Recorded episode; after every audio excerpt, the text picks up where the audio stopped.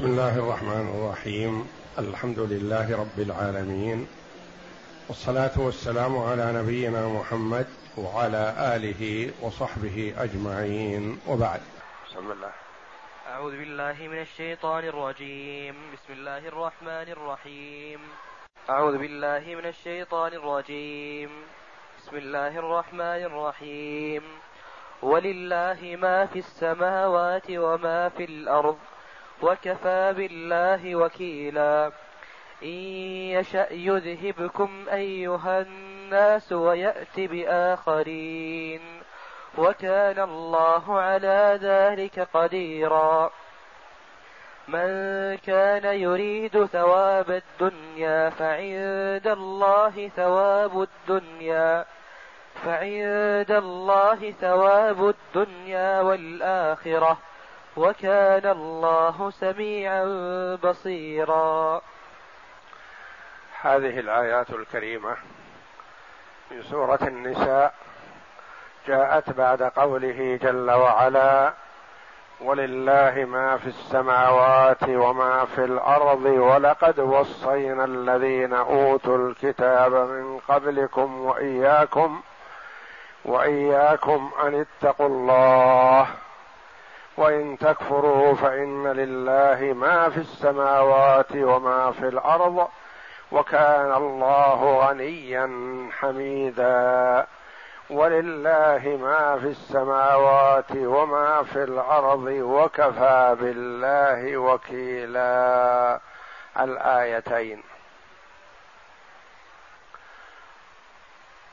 قوله جل وعلا ولله ما في السماوات وما في الأرض وكفى بالله وكيلا.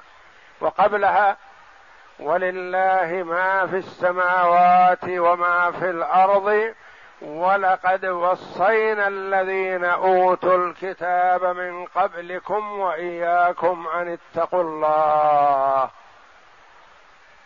كلها بيان لسعة ملك الله جل وعلا وأنه المالك لما في السماوات وما في الأرض. والتكرير هنا تعديد وتأكيد لما يوجب تقواه جل وعلا. بين أن له ملك السماوات والأرض فأمر بتقواه ثم أكد هذا بأن له ملك السماوات والأرض. ولله ما في السماوات وما في الأرض وكفى بالله وكيلا. كفى بالله جل وعلا. وكيلا على عباده يعلم سرهم وعلانيتهم يعلم إخلاصهم يعلم عبادتهم يعلم تقواهم إياه جل وعلا. كفى به جل وعلا وكيلا مع ما كلف جل وعلا من الملائكة لحفظ أعمال بني آدم. والله جل وعلا حافظ لعباده ومطلع على أعمالهم ويعلم جل وعلا أعمالهم قبل أن يعملوها ويعلم ما توسوس به صدورهم جل وعلا. ولقد خلقنا الإنسان ونعلم ما توسوس به نفسه ونحن أقرب إليه من حبل الوريد. حبل الوريد العرقان في جانبي العنق في جانبي الرقبة. فهو جل وعلا أقرب إلى عباده من كل شيء. ولله ما في السماوات وما في الأرض وكفى بالله وكيلا. وكيلا لعباده يعني متكفلا بهم مطلعا عليهم يعلم أحوالهم يعلم تقواهم يعلم نفاقهم يعلم إخلاصهم يعلم جميع أحوالهم جل وعلا. ثم بين جل وعلا كمال قدرته. فقال تعالى إن يشأ يذهبكم أيها الناس.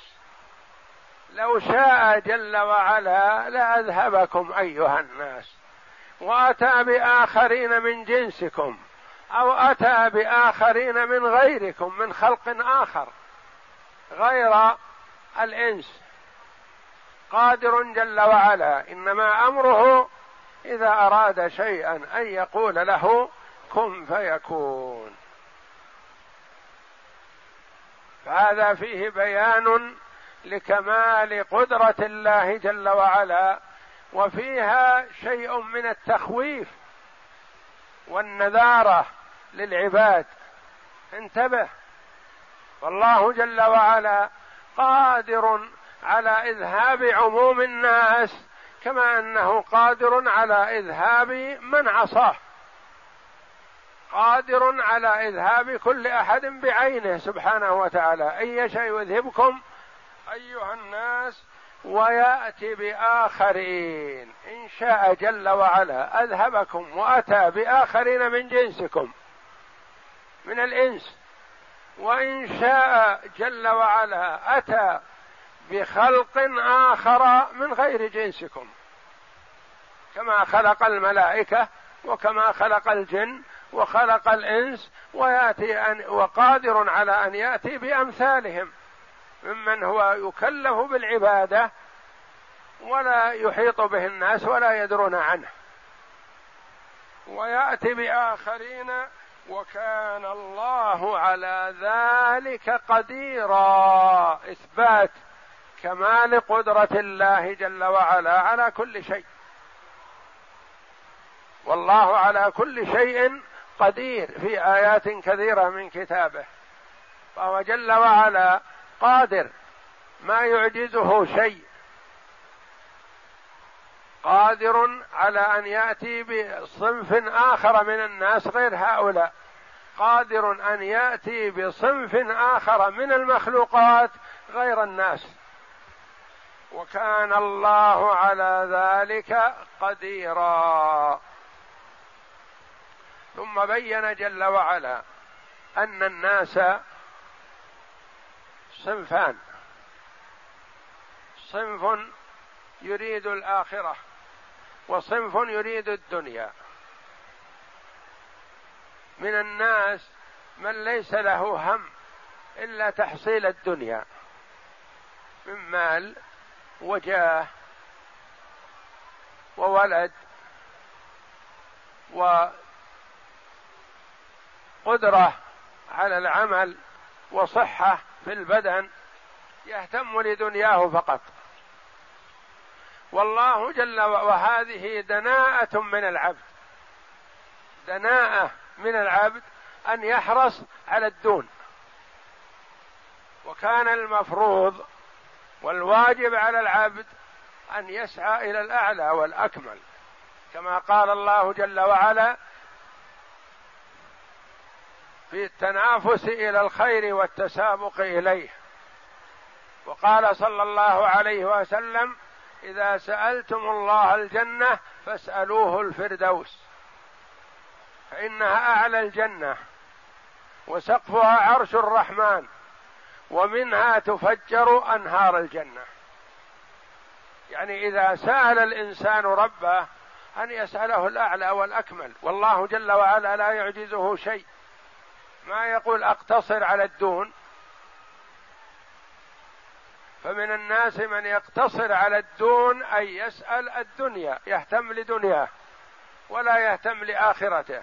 بينما الله جل وعلا عنده الدنيا والآخرة.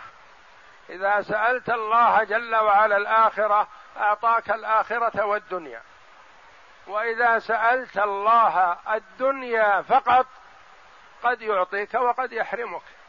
وليس لك في الآخرة من نصيب إذا لم تعمل لها.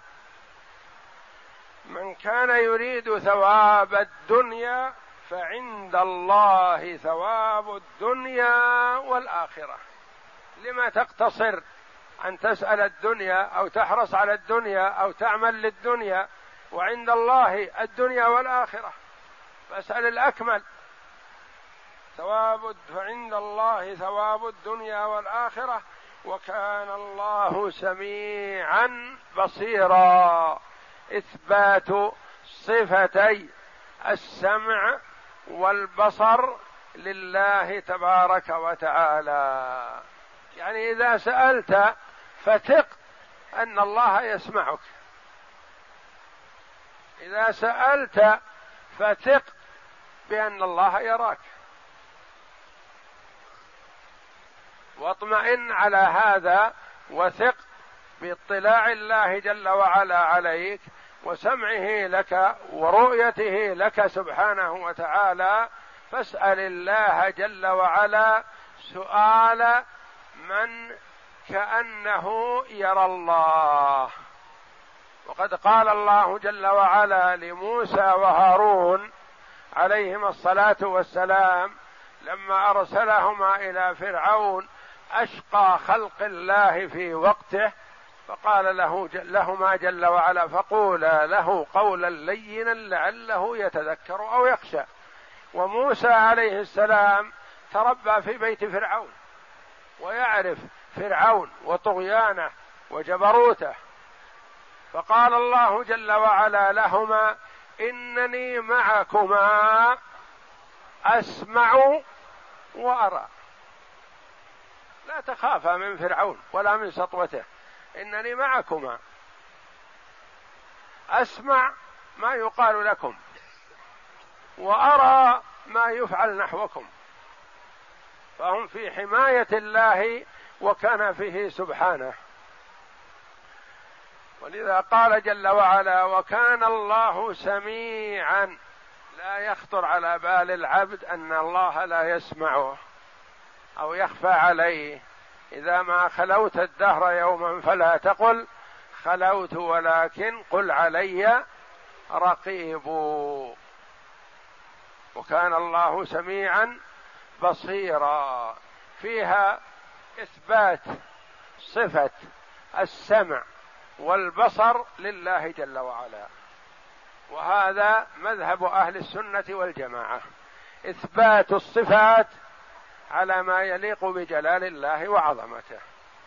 والناس في باب الصفات ثلاث طوائف. طائفتان ضالتان وطائفة مستقيمة على الحق مذهب أهل السنة والجماعة. طائفتان ضالتان. طائفة تقول إن الله يسمع.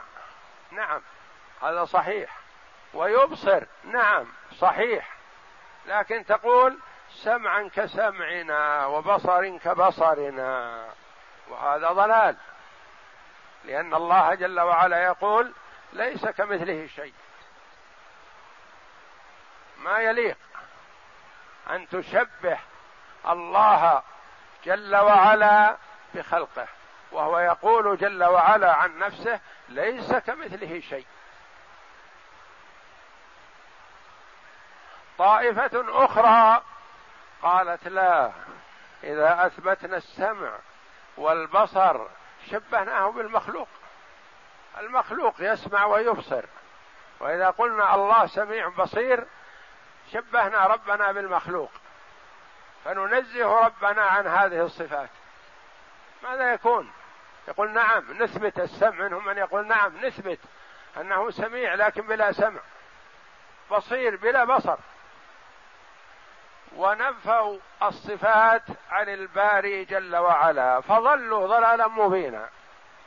الطائفتان ضلتان والطائفتان مردود عليهما.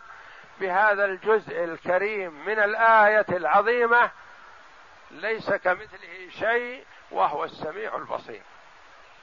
فقوله تعالى ليس كمثله شيء هذا رد على المشبهة الممثلة الذين شبهوا الله بخلقه. وفي قوله تعالى وهو السميع البصير رد على المعطلة الذين نفوا الصفة. فالطائفتان ضالتان. طائفة أثبتت والإثبات حسن لكن غلت فشبهت. الله بخلقه وهذا ضلال. وطائفة تزعم أنها نزهت.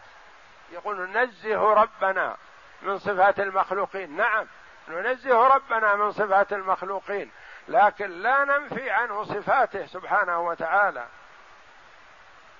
تزعم أنها نزهت فآل بها هذا التنزيه إلى التعطيل إلى نفي صفات الباري تبارك وتعالى.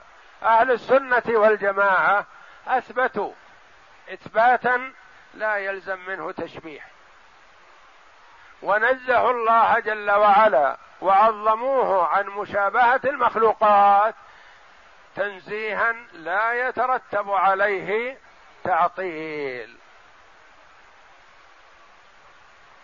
ومذهب أهل السنة والجماعة يثبت بهذا الجزء الكريم من الآية. ليس كمثله شيء وهو السميع البصير.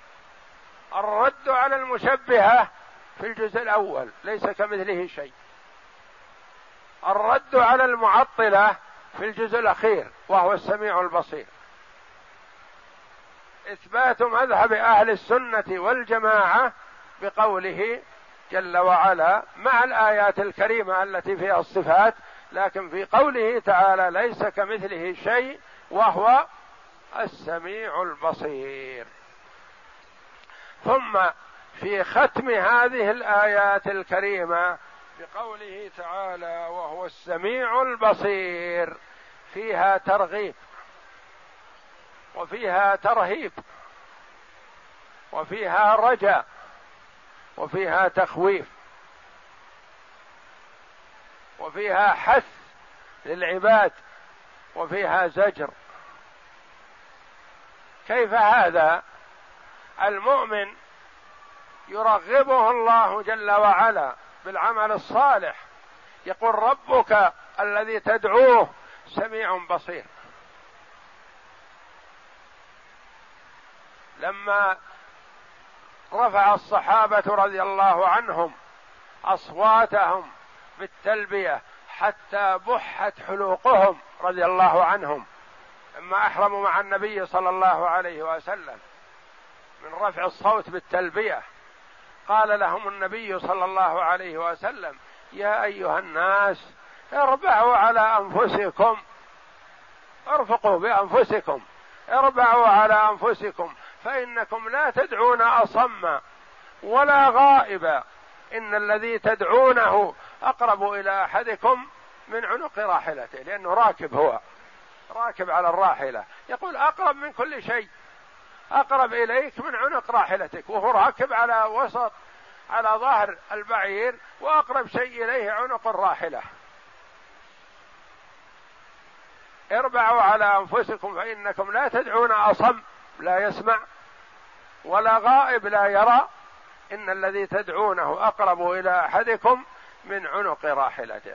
ففيها ترغيب للمؤمن بأن الذي تدعوه سميع بصير. ما تقول؟ ما يسمع دعائي. قال الله جل وعلا قد سمع الله قول التي تجادلك في زوجها وتشتكي إلى الله. خولة رضي الله عنها. جاءت إلى النبي صلى الله عليه وسلم تشتكي الحال. غضب عليها زوجها وقال أنت كظهر أمي. بعدما كبرت وكثر عيالها وزوجها عنده شيء من الضيق والحمق رضي الله عنه. قالت يا رسول الله بعدما نثرت ما في بطني. أولاد كثير إن أخذتهم معي جاعوا. وإن تركتهم عنده ضاعوا. قال عليه الصلاة والسلام ما أراك إلا حرمت عليه.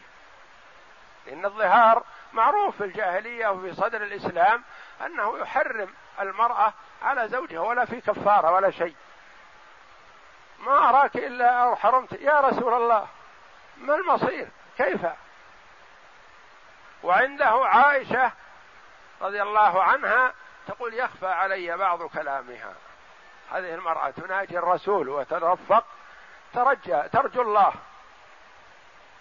أنزل الله جل وعلا وهي عندهم ما قامت من مكانها. قد سمع الله قول التي تجادلك في زوجها وتشتكي إلى الله. والله يسمع تحاوركما. الله أكبر. جاء الحل من الله جل وعلا. نزل في الحال. ثم الآيات بعدها فيما يلزم من ظاهر إذا أراد أن يعود. إذا لم يرد العودة حرمت عليه زوجته وانتهى تعتد خلاص. لكن إذا أراد العودة بين الله جل وعلا له الحكم وهو عتق رقبة فإن لم يجد فصيام شهرين متتابعين فإن لم يستطع أطعم ستين مسكينا. وحلت له زوجته ولا تحسب عليه طلاق. لأن هذا ظهار أعلى من الطلاق وأشد وأفظع وهو منكر من القول وزور. والنبي صلى الله عليه وسلم طلق ولم يظاهر لأن الظهار منكر والنبي صلى الله عليه وسلم معصوم من المنكر. وأما الطلاق فعند الحاجة إليه فيعتبر من محاسن الشريعة الإسلامية. وهو من أبغض الحلال إلى الله لكنه عند الحاجة إليه إذا تعسرت وتعذرت الحياة الزوجية بين الزوجين فالخلاص نعمة للطرفين وإن يتفرقا يغني الله كل من سعته. فالظهار منكر من القول وزور يعني يقول الرجل لزوجته أنت كظهر أمي أو كظهر أختي أو كذا أو كذا من المحرمات عليه. سماه الله جل وعلا منكر من القول وزور. ومع هذا أنزل جل وعلا حل المسألة في كتابه. قد سمع الله قول التي تجادلك في زوجها وتشتكي إلى الله. والله يسمع تحاوركما كلامك معها وكلامها معك وكونها تقول يا رسول الله ماذا أصنع؟ أولاد كثير ولا يمكن أروح أتزوج. الآن خلاص انتهى ما في بطني. نثرت أولادي. وإن تركتهم عنده وذهبت ضاعوا. من يتولى أمرهم؟ أبوهم ما يصلح لحضانة وولاية الأطفال. وإن أخذتهم معي جاعوا. ما عندي كسب وما عندي قوت. فماذا أصنع؟ قد سمع الله قول التي تجادلك في زوجها. وفيها تخويف وتحذير. وزجر بأن احذر. لا تقل خلوت لا تقل غبت عن الناس لا تقل ما يراني أحد. تعمل ما تعمل من المنكر من الغش من الزنا من الربا من المحرمات وتقول ما يراني أحد ما يدري عني أحد. أعمل ما أعمل وأعتذر أمام الناس ما ما صار شيء. أنت تتعامل مع سميع بصير. في تخويف وزجر وفيها ترغيب بأنه لن يضيع من عملك. فمن يعمل مثقال ذرة خيرا يره ومن يعمل مثقال ذرة شرا يره. ما يضيع شيء. الله جل وعلا سميع بصير. الذي يسمع يسمعه جل وعلا. والشيء الذي لا يسمع مثلا يبصره سبحانه وتعالى. يرى ويسمع دبيب النملة السوداء على الصخرة الصماء في ظلمة الليل جل وعلا. يرى ويسمع. ففي ختم الآيات بهاتين الصفتين العظيمتين لله تبارك وتعالى ترغيب في الخير وتحذير من الشر. لأن من تتعامل معه سميع بصير. بالخير ثق واطمئن وافرح بما أعده الله لك في الدار الآخرة. بالشر احذر. الله جل وعلا مطلع على أعمالك وعلى معاملاتك مع الناس. فاحذر أن يراك على منكر. إن الله وكان الله سميعا بصيرا. والقول في إثبات الصفات كالقول في هاتين الصفتين سواء بسواء.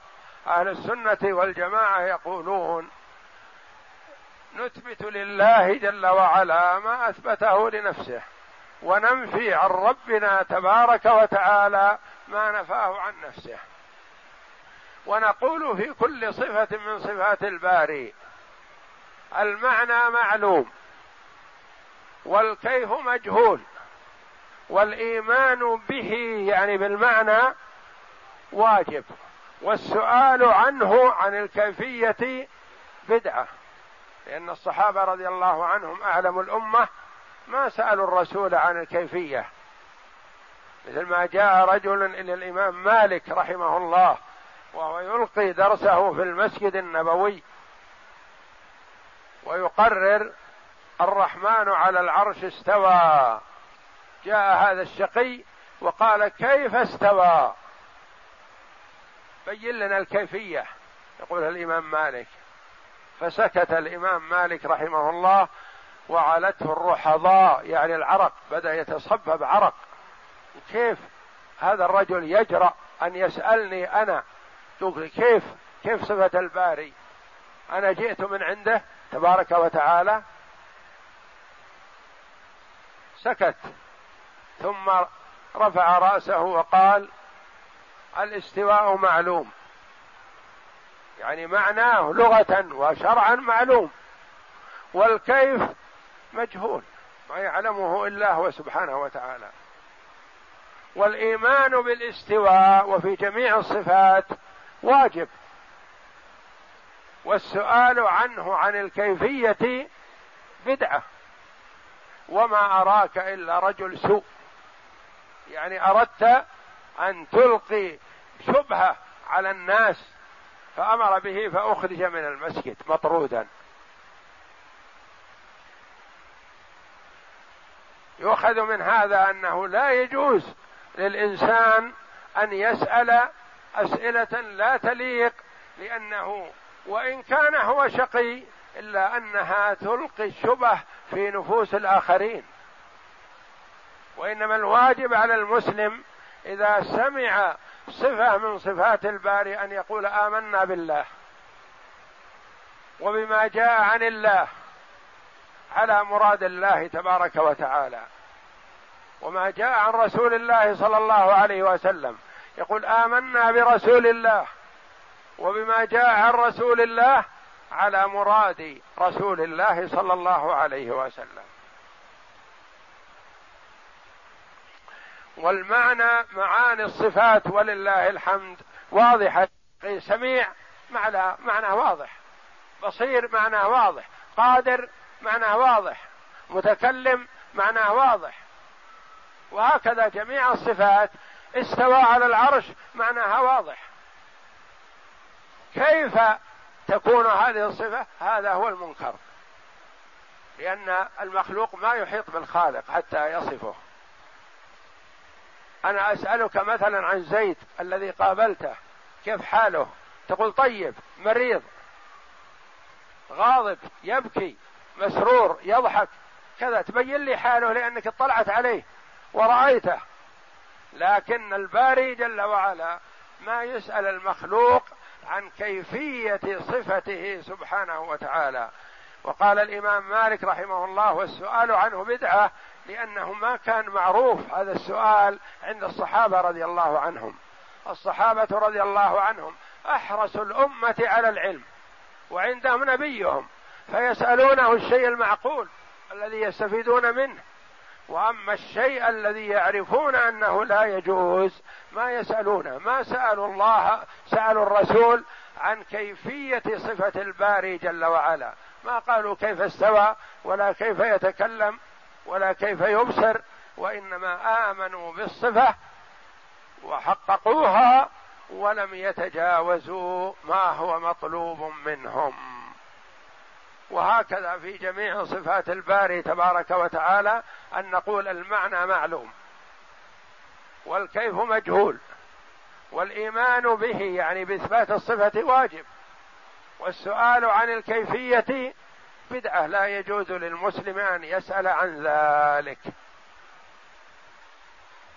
وكان الله سميعا بصيرا وهذه قاعدة عظيمة عند أهل السنة في إثبات صفات الباري جل وعلا يرجع إلى ما روي عن الإمام مالك وروي مثله عن أم سلمة أم المؤمنين رضي الله عنها وأرضاها.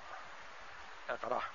وقوله ولله ما في السماوات وما في الأرض وكفى بالله وكيلا. أي هو القائم على كل نفس بما كسبت الرقيب الشهيد على كل شيء. وقوله ان يشا يذهبكم أيها الناس ويأتي بآخرين وكان الله على ذلك قديرا. أي قادر على إذهابكم وتبديلكم بغيركم إذا عصيتموه. كما قال وإن تتولوا يستبدل قوما غيركم ثم لا يكونوا أمثالكم. قال بعض السلف ما أهون العباد على الله إذا أضاعوا أمره. وقال تعالى ما أهون الخلق على الله إذا أضاعوا أمره. لأن المرء إذا أضاع أمر الله جل وعلا فما أهونه. ما يستطيع أن يتمرد على الله. لكن الله جل وعلا يمهل ولا يهمل. فلا يغتر العبد بإمهال الله له إذا وقع في الحرام إذا وقع في الربا وقع في الزنا وقع في السرقة. وقع في عقوق الوالدين وقع في شيء من المحرمات. ما يجرى على الله ويظن أنه سلم لا.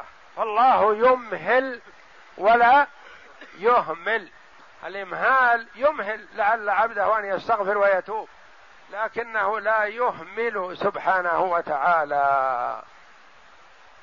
وقال تعالى إن يشاء يذهبكم ويأتي بخلق جديد وما ذلك على الله بعزيز. أي وما هو عليه بممتنع. وقوله تعالى من كان يريد ثواب الدنيا فعند الله ثواب الدنيا والآخرة. أي يا من ليس له همة إلا الدنيا اعلم أن عند الله ثواب الدنيا والآخرة. وإذا سألته من هذه وهذه أعطاك وأغناك من الناس وأغناك. مثلا من يخرج للجهاد. اثنان يخرجان للجهاد في سبيل الله. واحد يريد المغنم. يريد الغنيمة يريد مال. قل هذه بلاد غنية وهي ضعيفة في محاربتها. أكيد أن أغنم منهم أموال عظيمة. أذهب من أجل أن يحصل لي هذا. وآخر يريد إعلاء كلمة الله جل وعلا. وكلاهما سواء وكلاهما معهم السلاح والعتاد. لكن فرق عظيم بين النيتين. من كان يريد الآخرة يعطيه الله جل وعلا الدنيا والآخرة. ومن كان يريد الدنيا قد يعطى منها ما شاء وليس له في الآخرة من نصيب. وقد يحرم والعياذ بالله من الدنيا والآخرة. فالعبد بنيته يدرك المقامات العالية وبنيته يهبط والعياذ بالله إلى الحضيض. وهي النية. إن في المدينة رجالا ما سلكتم واديا ولا شعبا إلا وهم معكم. شركوكم في الأجر مثلكم في المدينة. قالوا يا, يا رسول الله شركونا في الأجر وهم في المدينة. ما خرجوا؟ قال نعم حبسهم العذر. يريدون الخروج معكم لكن ما استطاعوا معذورين. وإنما هم لهم رغبة في الخروج معكم ملحة لكن حبسهم العذر فكانوا معكم. وقال بعض السلف لما سئل أنه يريد الإنسان عمل يؤجر عليه باستمرار. قال أنو الخير. أنو الخير. إن أديته فبها ونعمة الحمد لله. وإن لم تؤده ما استطعت حصل لك ثوابه وأنت لم تعمل شيء لكنك نويت. والرسول صلى الله عليه وسلم يقول انما الاعمال بالنيات فمن كانت هجرته إلى الله ورسوله فهجرته إلى الله ورسوله.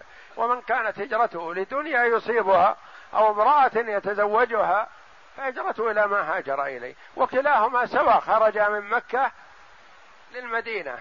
واحد يريد الله ورسوله. يريد نصرة دين الله وصحبة رسول الله والأخذ عنه والجهاد معه في سبيل الله. هذا هجرته إلى الله ورسوله. وآخر يقول تجمع الناس في المدينة فزانت أسواق المدينة. فيها تجارة فيها بيع وشراء فيها ربح. يذهب من أجل أن يبيع ويشتري في المدينة. ويقول مهاجر. والآخر له رغبة في زواج امرأة يقال لها أم قيس. فأبت عليه قالت ما أقبلك إلا أن تهاجر لكن تجلس في مكة؟ لا. أنا في المدينة تعال إلي في المدينة. فهاجر لامرأة ينكحها فسمي مهاجر أم قيس. هاجر من أجلها ما له ثواب في الآخرة لأنه هاجر من أجل امرأة.